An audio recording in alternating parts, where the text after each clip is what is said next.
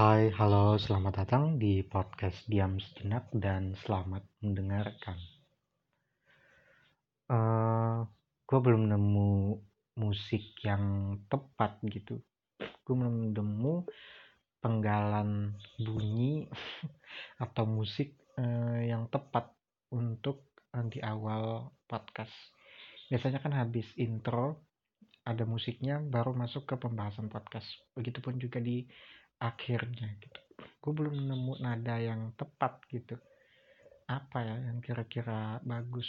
Sebenarnya ada sih disediain uh, dari dari sebenarnya ada disediain dari anchornya juga gitu musik default defaultnya tanpa harus nyari-nyari lagi. Cuman kayaknya gue belum nemu yang pas. Entah kayak bunyi gitar bunyi petikan gitar tuh asik juga gitu. Bunyi piano atau hal-hal yang menjadi pengingat gitu ketika orang mendengarkan oh iya gue inget ini podcast ini gitu.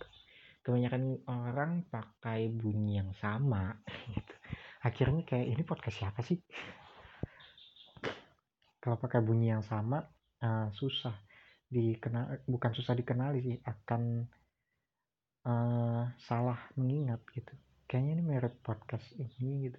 Kayak gue nonton YouTube gitu kan ada kan uh, bunyi ketika tampilan di videonya mencet lonceng belnya itu bunyi. Nah bunyinya tuh sama-sama terus gitu di beberapa video yang gue tonton di beberapa orang ya dengan video yang berbeda gitu dengan orang yang berbeda. Harusnya gue pikir punya bunyi sendiri biar ada ciri khas gitu biar cepat diingat juga. Ya hari ini hari yang sangat gabut dan gue nggak tahu apa yang pengen diomongin. Kayaknya gue perlu mau berbagi sudut pandang tentang sesuatu. Uh, apa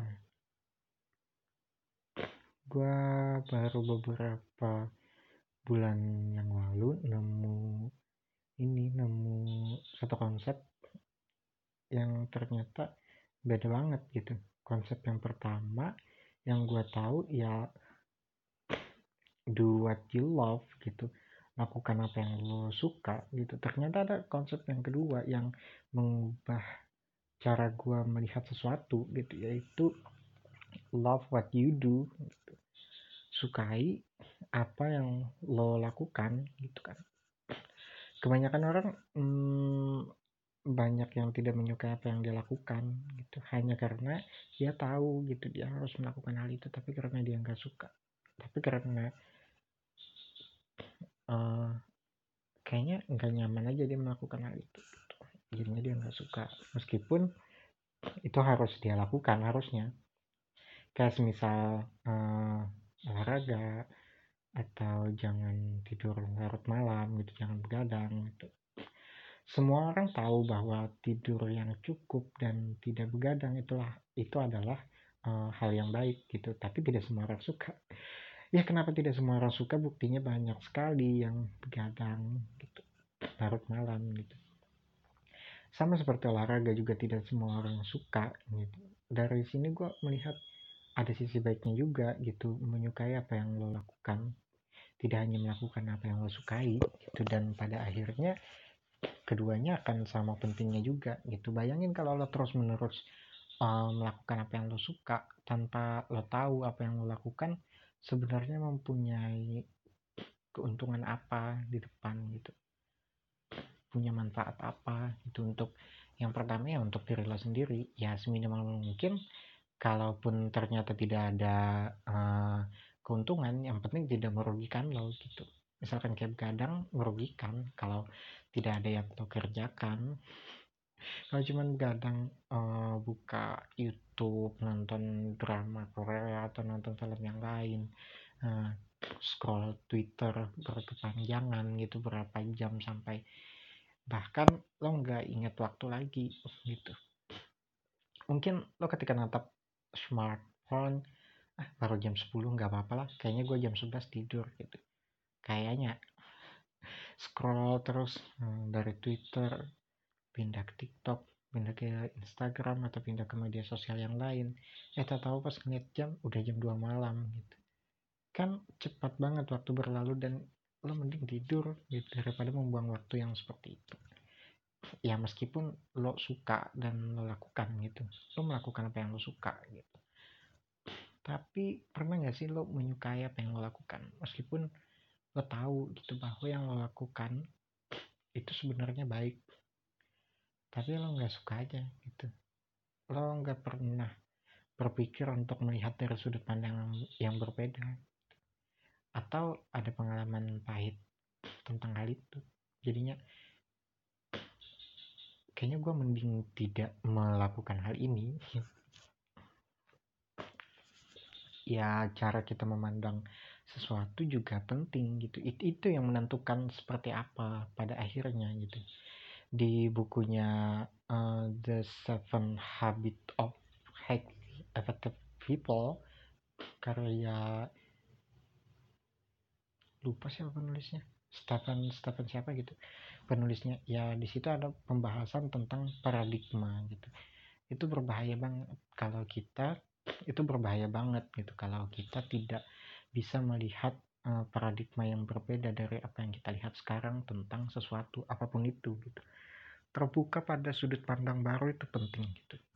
Dan sangat berbahaya juga kalau kita terus menerus uh, bersikeras keras kepala dengan sudut pandang yang sudah kita pakai bertahun-tahun. Dan memang harus belajar gitu untuk melihat dengan sudut pandang yang belum pernah kita coba. Untuk melihat keterbukaan hal-hal lain dalam kehidupan ya inovasi apa pun gitu dimulai dengan mencoba mempercayai bahwa adanya sudut pandang baru gitu. Semua semua pengembang semua pemikir dan hal-hal yang berkaitan dengan kemajuan peradaban kemajuan zaman mereka bersedia untuk membuka sudut pandang baru gitu. Untuk memandang kehidupan gitu. Bayangin kalau tidak ada orang yang berpikir bahwa di masa depan akan ada smartphone gitu akan ada teknologi gitu. Mereka tidak mau membuka sudut pandang baru ya tidak akan ada seperti kehidupan sekarang gitu.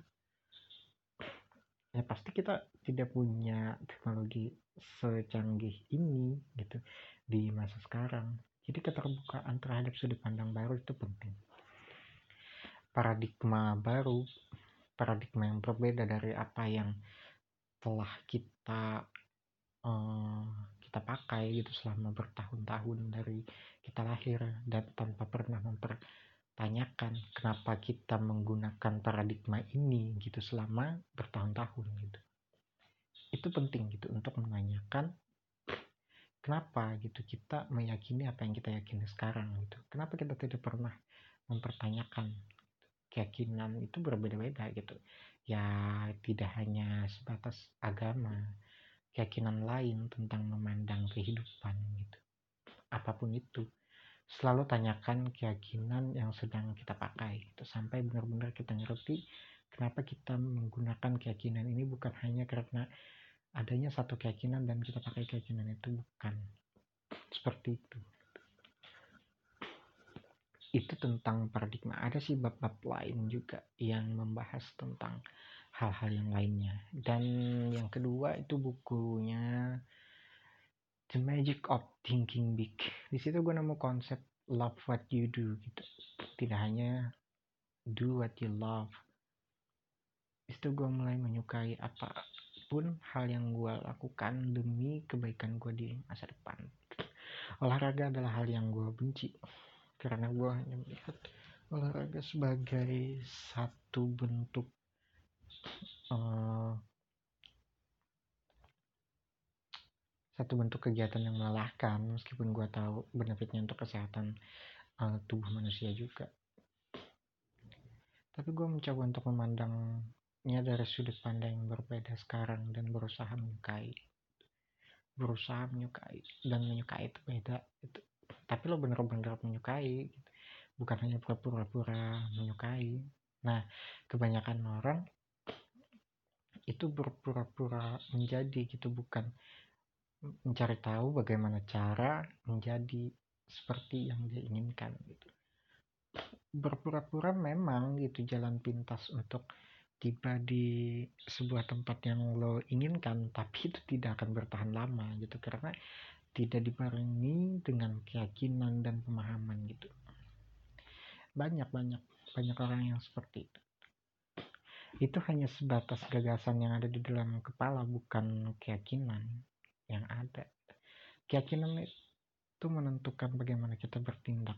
Tapi kalau gagasan hanya berupa pemikiran di dalam kepala kita gitu. Tidak uh, membuat kita bertindak sesuai dengan hal itu. Itu itu gagasan gitu.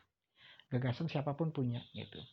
Dan kita punya banyak sekali gagasan dan hanya punya beberapa keyakinan yang kita pakai nah banyak orang hanya menyadari gagasan-gagasan yang mereka pikirkan bukan keyakinan yang mereka yakini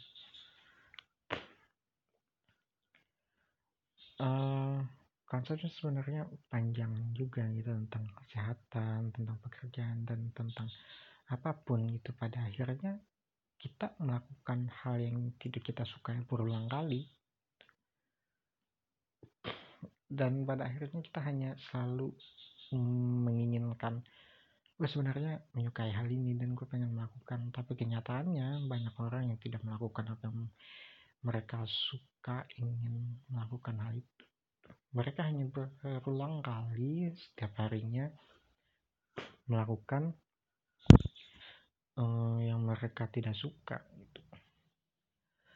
Alih-alih untuk mengubah itu ya cara simpelnya ya yang tadi gitu. Berusaha menyukai apa yang lo meskipun pada awalnya berat ya cobalah untuk terbuka dengan sudut pandang yang baru di dalam hidup ini tentang memandang apa pun gitu. tentang cara melihat apa pun hmm, apa lagi ya